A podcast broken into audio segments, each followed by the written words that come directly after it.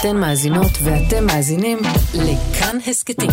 כאן הסכתים, הפודקאסטים של תאגיד השידור הישראלי. היסטוריה לילדים עם יובל מלכי.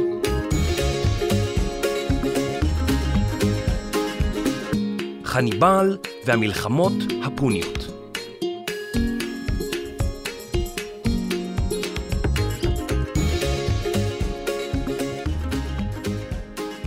שלום ילדים, כבר סיפרתי לכם בהיסטוריה לילדים על נפוליאון, על יוליוס קיסר ועל אלכסנדר מוקדון. אבל האם אי פעם שמעתם את השם חניבל? האמת שגם אני שמעתי את השם, אבל לא הייתי בטוח בדיוק מי הוא היה, מתי הוא חי, ומדוע מדברים עליו עד היום. כשהתחלתי לקרוא עליו, לא הצלחתי להפסיק. אז היום, בהיסטוריה לילדים, נתחיל בפרק משולש. סיפור בשלושה חלקים, ונצא בעקבותיו של אחד המצביעים הגדולים בהיסטוריה, חניבל בן ברקה. נגלה מי הוא היה, נשמע על פיל המלחמה עליו רחב, על המסע הבלתי אפשרי שעשה לאיטליה, על העיר קריה חדשה, או קרתגו, פיניקים, רומים, אימפריות בים התיכון, איזו חגיגה!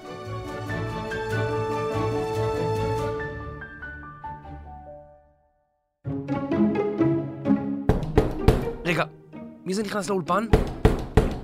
שלום? שלום, אני חניבל. מה, איך הגעת לכאן? מה, מנהרת זמן סודית? מכונת זמן? לא, ממש לא. מה, מה, אז איך? הרי חיית לפני אלפי שנים. מה? מה? מה אלפי? מה? ח, חניבל המצביא! וואו, אני מתרגש. איך הגעת לכאן? מה, הגעתי בקורקינט. היה לכם קורקינט? מאיפה לי לדעת מה היה פעם? הזמינו אותי לבוא. מי הזמין? כאן זו תוכנית הטלוויזיה פורים ונהנים?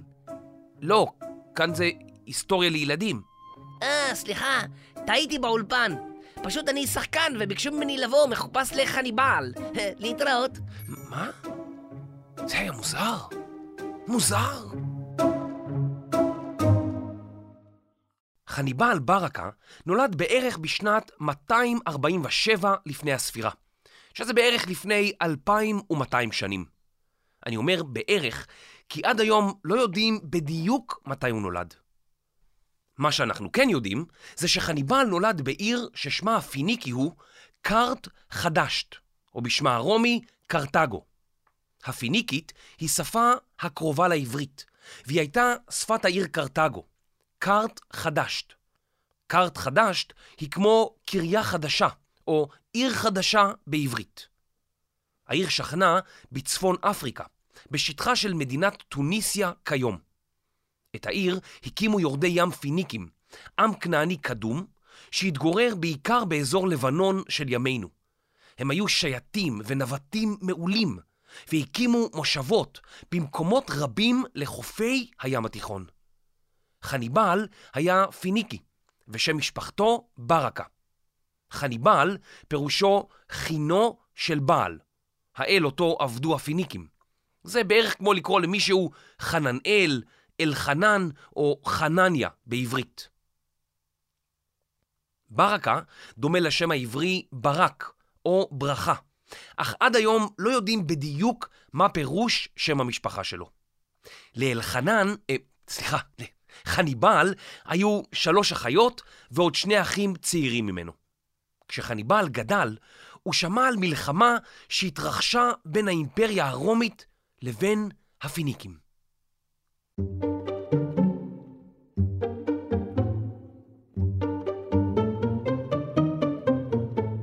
שלום ילדים! היום נלמד על מלחמה עתיקה בין הרומים לפיניקים. הפיניקים זה אנחנו, המורה. נכון ילדים, אז אני מקווה שניצחנו במלחמה, כי לשמוע על מלחמה שהפסדנו בה, די יבאס, המורה. אה נכון נכון. אז אה, ילדים, אה, צאו לשחק אבירים וחרבות. הלימודים להיום נגמרו. אבל המורה, לגבי המלחמה, איך ניצחנו בדיוק? ילדים, אבירים וחרבות בחצר, לכו מהר לשחק. עכשיו, עכשיו. למלחמה, או למלחמות, בין הרומים לפיניקים, יש שם קצת משונה. המלחמות הפוניות. הרומים כינו את הפיניקים פונים, והמלחמה נקראת כיום המלחמה הפונית הראשונה. השם פוני אולי מזכיר לכם סוס פוני, סוס שגובהו לא עולה על מטר וחצי, אך למעשה השם סוס פוני מגיע אלינו מצרפתית. פולנה בצרפתית הוא סייח קטן, ומשם המילה פוני.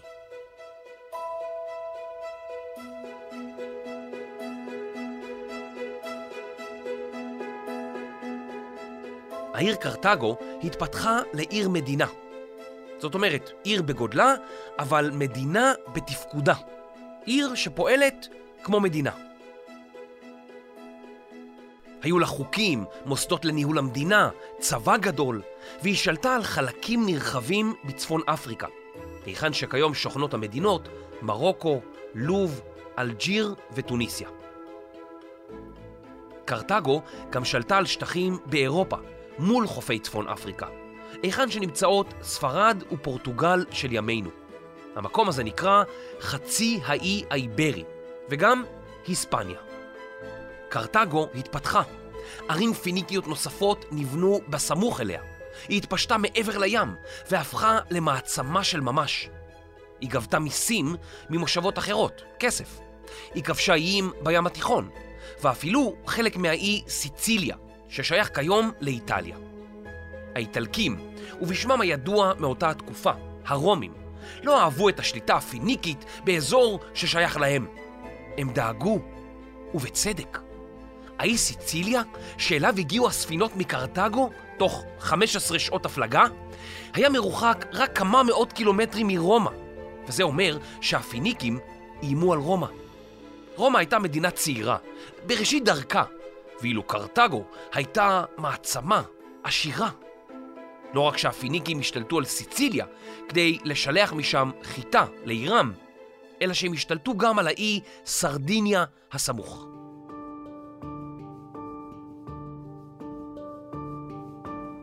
שלום תושבי סרדיניה, באתי לראות מה שולחים מכאן לקרתגו. לא שזאת חידה, הרי זה ברור, סרדיניה. מה כבר אפשר לייצר כאן? חמין לשבת? תנו לי סרדינים. מה? סרדיניה, אתם אי של סרדינים, לא? לא, דווקא יש לנו מכרות של נחושת. מהנחושת מייצרים כלי עבודה, כלי נשק וקישוטים לבית. אה, אז אתם אי חשוב הרבה יותר ממה שחשבתי. אולי אתה רוצה להישאר לארוחת ערב? מה, יש סרדינים?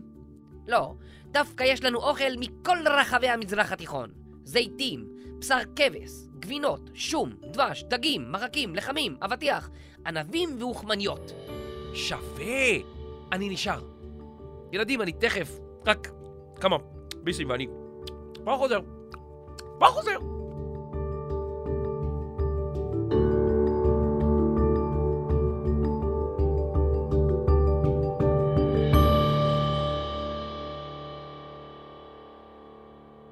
בצבא הפיניקי שירתו קצינים פיניקים שפיקדו על שכירי חרב, לוחמים מעמים אחרים ששירתו בצבא הפיניקי תמורת תשלום. שכירי חרב משכירים את חרבם תמורת תשלום, ומכאן שמם. הצבא הפיניקי כלל עשרות אלפי חיילים, ואפילו פילי מלחמה, שיכלו לדהור אל עבר האויב ולקטול אותו. היו אלה פילים צפון אפריקאים, קטנים יותר מהפיל האפריקאי.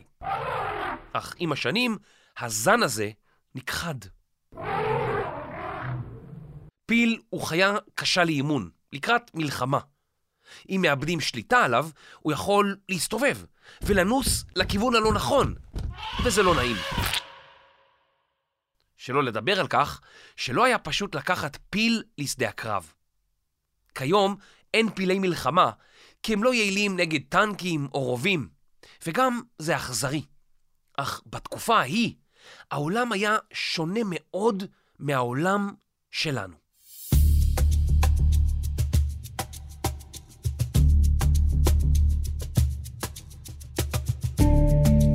כששתי קבוצות באי סציליה החלו להתחרות על שליטה, אחת מהן פנתה גם לרומא וגם לקרתגו, בבקשה לעזרה. אנשי קרתגו באו לעזרתם, גירשו את הפולשים ובנו במקום מבצר משלהם. לרומא היה הסכם שלום עם קרתגו, אך הם חששו משליטה פיניקית שהלכה והתגברה בסיציליה, והם אפילו חששו מפלישה של ממש. הרומים אמנם חששו להכריז מלחמה על קרתגו החזקה, אך בכל זאת החליטו, בלב כבד, לשלוח כוחות לסיציליה, כדי שלא לאבד את השליטה על האי. הפיניקים מצידם לא רצו לאבד את האי שעליו הם שלטו.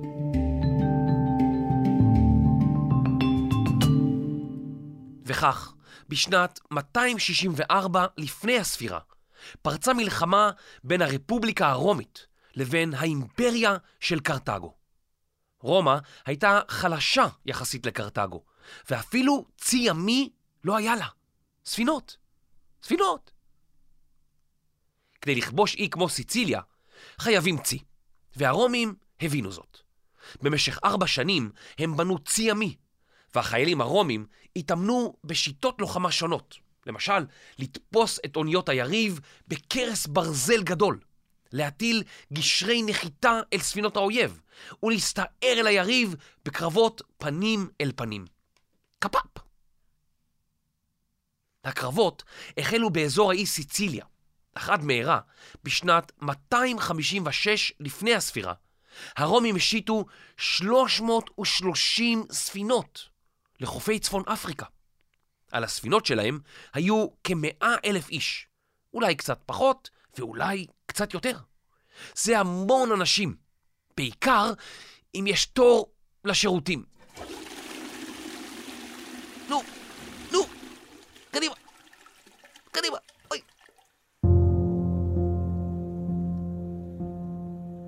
קרתגו שלחה את כל ספינות המלחמה שלה, 350 במספר, כנגד הרומים, ועליהם גם בערך כמאה אלף איש.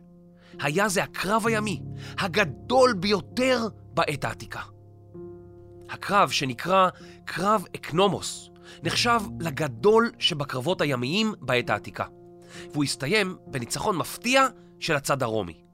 למעלה מ-30 אוניות קרתגיות טבעו, כמאה נתפסו, ו-64 נפלו לידי האויב. הקרתגים הטביעו 24 אוניות רומיות, אך אף אחת לא נפלה שלל. עתה היה הצי הרומי עצום וכלל 464 ספינות. הרומים היו מאושרים מהניצחון הגדול והחלו לעשות את דרכם לאי סיציליה. אך ליד חופי סיציליה השתוללה סערה. הרומים לא היו יורדי ים מנוסים במיוחד, ומתוך 464 הספינות, 384 טבעו בסערה, יחד עם כמאה אלף חיילים. זה המון ספינות והמון חיילים. זמן קצר לאחר מכן נחתו כוחות רומים בצפון אפריקה והחלו להכניע ערים פיניקיות. כמפקד הצי הפיניקי מונה חמילקרת ברקה, אביו של חניבל שעוד לא נולד. ח- חניבל, לא, לא אבא שלו, זאת אומרת, אבא שלו כבר נולד, חניבל עוד לא נולד. הבנתם ש... הבנתם.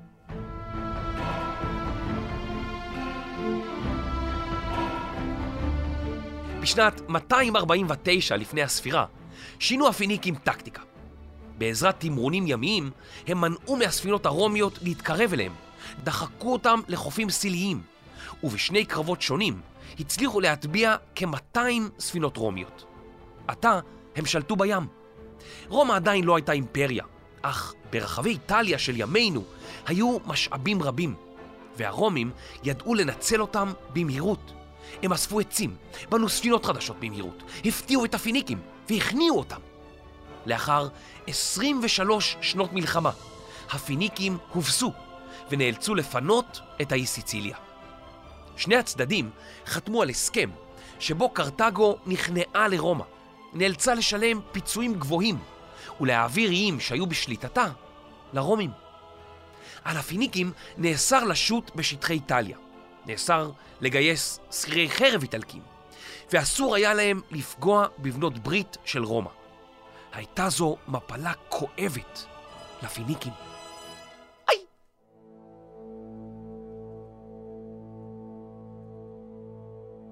חמילקרת ברקה שב הביתה לאחר שנות מלחמה קשות.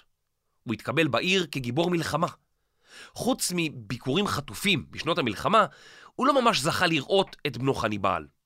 ולכן, יחד עם אשתו, דאג שבנו יקבל חינוך מצוין.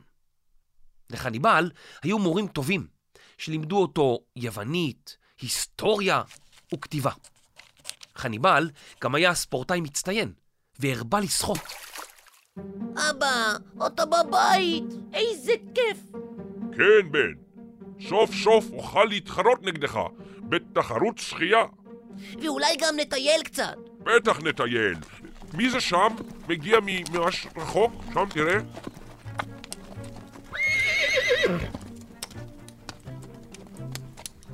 חמילקרת ברקה הנחה ממונה למפקד הצבא כדי להילחם במלחמת שכירי החרב. מה? על מה אתה מדבר? שכירי חרב רבים בצבא שלנו פתחו במרד, וצריך לעצור אותם. למה מרד, אדוני? הם דורשים עוד כסף, אבל אנחנו משלמים הרבה לרומים. אה, אז הם כועסים, ואין כסף. אבא, מה תעשה? אם צריך אותי, אז אני בא. אבל אבא, הבטחת שנעשה תחרות שחייה. בן, אנחנו עוד נתחרה, אבל קרתגו זקוקה לי. אוף, אבא, אוף. כעבור זמן, חזר אביו של חניבעל הביתה, כמנצח. הוא הצליח להכניע את שכירי החרב המורדים. ולמטה, קרתגו הייתה חלשה מאי פעם. היא שילמה פיצויים גבוהים לרומים, החיילים שלה מרדו בצבא, ולרבים היה נדמה שהיא עומדת על סף התפרקות. רומא ידעה על כך. כשהיא זיהתה ספינות של קרתגו, סמוך לאי סרדיניה, היא הכריזה כי הם היו למעשה בדרך לאיטליה, ולכן זוהי הפרה של הסכם הכניעה. אנשי קרתגו שוב שילמו פיצויים לרומים ומסרו לידם את האי סרדיניה. הרומים הלכו והתחזקו, ואילו קרתגו הלכה ונחלשה. את חניבעל הצעיר הדבר הכעיס מאוד. אוף, אבא, הרומים האלה פשוט מעצבנים. כן, בן, המצב לא פשוט. הם עושים מה שבא להם. כן, בן, זה נכון. טוב, לפחות יש לנו זמן יחד. נכון, בן, וזה הכי חשוב בעולם. אז אבא, רוצה תחרות ריצה? קדימה, בן. אחת, שתיים, ו... אוי! מי זה, מי זה הגיע לפה? שלום אדון ברקה. שלום. שלום, אדוני. תפסיק להשתחוות. מה בפיך? איבדנו את סרדיניה. שליטי המדינה רוצים להרחיב את השליטה בחצי האי האיברי, היספניה, ספרד. אוקיי, אז ביקשו שתוביל את המסע הצבאי לשם. אוף, אבא. לא נורא, בן. עוד מעט אחזור, ואנצח אותך בריצה, ובשחייה, ובהופעה... לא, לא, אבא. עוד לא, עוד לא המציאו את זה. אה, אז מרוץ מריצות. אני אקרא אותך במרוץ מריצות. טוב, אבא, אני ממתין. ממתין וממתין וממתין. וממתין וממתין וממתין. רגע אחד. חניבעל, בן כמה אתה? אני בן תשע, עוד מעט עשר. או, אתה ממש גדול. הוא רוצה להצטרף אליי? מה? בטח! אתה נשבע להיות חייל טוב ולהילחם ברומא? ברור, אבא! אם אשכחך קרתגו, אשכח ימיני. אתן בומבה לחייל רומאי. חניבעל, זה מספיק, מספיק עם השטויות האלה. תביא גם את האחים שלך. ניתן לאמא כמה שנות חופש. קדימה, קדימה. בזריזות, בזריזות. בשנת 237 לפני הספירה יצא חמילקרת ברקה לדרך. הוא לקח עמו את בנו חניבעל, את שני אחיו הצעירים, עזרובעל ומאגו, וגם את חתנו, בעלה של בתו, שגם לו קראו עזרובעל. הצי של קרתגו הפליג לחצי האי האיברי. שם חמילקרת החל להרחיב את שליטתה של קרתגו. הם פיתחו את מכרות הכסף, גידלו תבואה שנשלחה לקרתגו, וגייסו שכירי חרב רבים מבין שבטי האזור.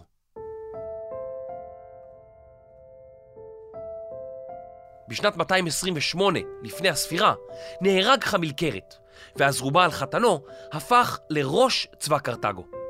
הוא המשיך להרחיב את שליטתה של קרתגו בספרד, והקים בדרום מזרחה עיר נמל בשם קרתגו החדשה, שהפכה עם השנים לעיר קרתחנה. חניבעל הצעיר גדל והתחתן עם נסיכה מקומית בשם אימילקה, מי שהייתה בתו של ראש שבט חזק. לשניים נולד בן. הרומים השתלטו גם הם על שטחים בחצי האי האיברי, וכדי למנוע מלחמה נוספת עם קרתגו, שני הצדדים חתמו על הסכם בשם אמנת האברו. האברו הוא נהר שחוצה את חצי האי האיברי, ממזרח למערב. אנשי קרתגו שהו מדרום לנהר, ואנשי רומא מצפון לו. הם הסכימו שלא לפלוש ושלא להתערב בשטחים עליהם כל צד שלט.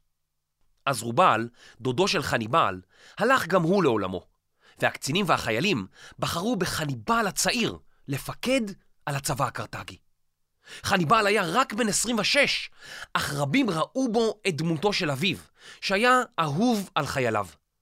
היסטוריון יווני אף כתב שהייתה לחניבעל הצעיר אותה האש בעיניים כפי שהייתה לאביו.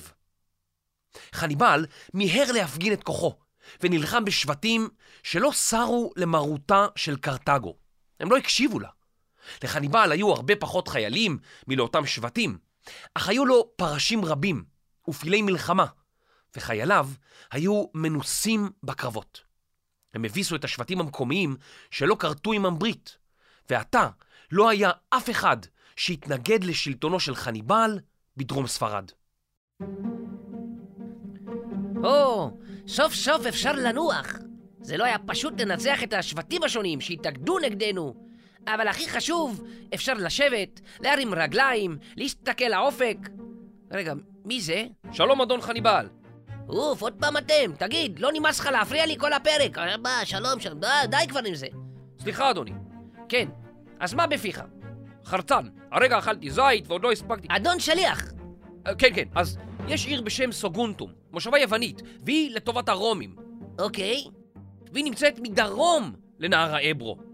זה לא נשמע טוב. כן, הרומים התחייבו לא להפריע לנו לשלוט כאן. נכון. אז אתה צריך לכבוש את העיר. וואלה, אני, אני לא כזה טוב במצור. אין ברירה, אדון חניבעל, זאת פקודה מגבוה. מה גבוה? אני לא רואה פה... אה, גבוה מהממשלה, מהשולטים. אה, הבנתי, לא, הסתכלתי למעלה, בטעות. כן. אה, בסדר, אני יוצא, יוצא לכיוון.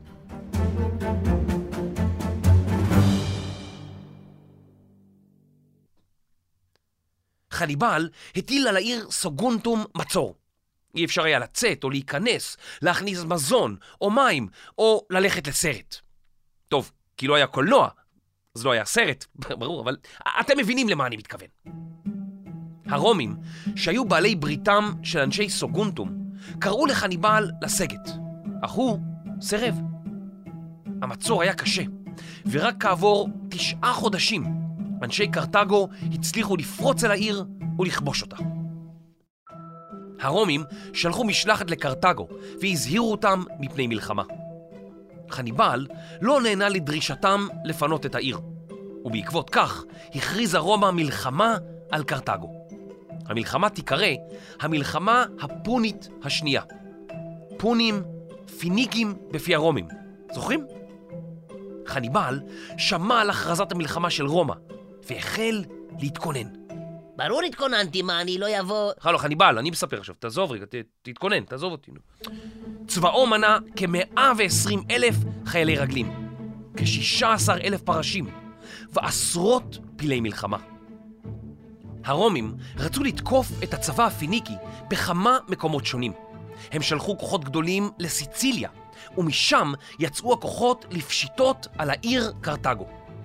כוחות גדולים נשלחו גם סמוך לחצי האי האיברי, היספניה, להתכונן למלחמה בחניבעל. כוח מצומצם יחסית נשאר באיטליה, כדי לשמור על רומא מתקיפה של שבטים שהתגוררו מצפון ומדרום לרומא. חניבעל השאיר כוח קטן בחצי האי איברי, ושלח כוחות לקרתגו כדי להגן עליה. הוא לקח עמו כוח עצום, ויצא לתקוף את רומא במקום שהם הכי פחות ציפו לו, באיטליה עצמה. חניבל רכב על פיל גדול בשם סורוס, פיל בעל ניב אחד בלבד. הוא עמד לצאת לאחד המסעות המפורסמים בהיסטוריה. מסע כמעט בלתי אפשרי.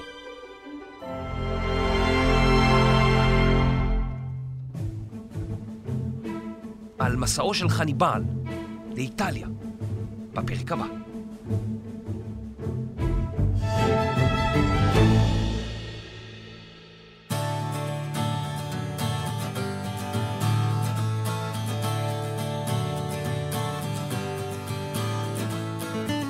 מחקר, כתיבה, קריינות, ולא מצליח לרדת מסורוס. הצילו! פיל, עצור! פיל, עצור! עצור, פיל! יובל מלכי. עריכת לשון והכי אוהבת לאכול סרדינים. דינה בר מנחם. עריכת סאונד, מיקס, ומשלמים אפס שכר דירה בקארט חדשת. רחל רפאלי ונועם ברלכיס. הפקה והאנשים שבנו את כל הצי הרומי לבדם. ניר גורלי, טל ניסן ורני שחר. אני יובל מלכי. היסטוריה לילדים.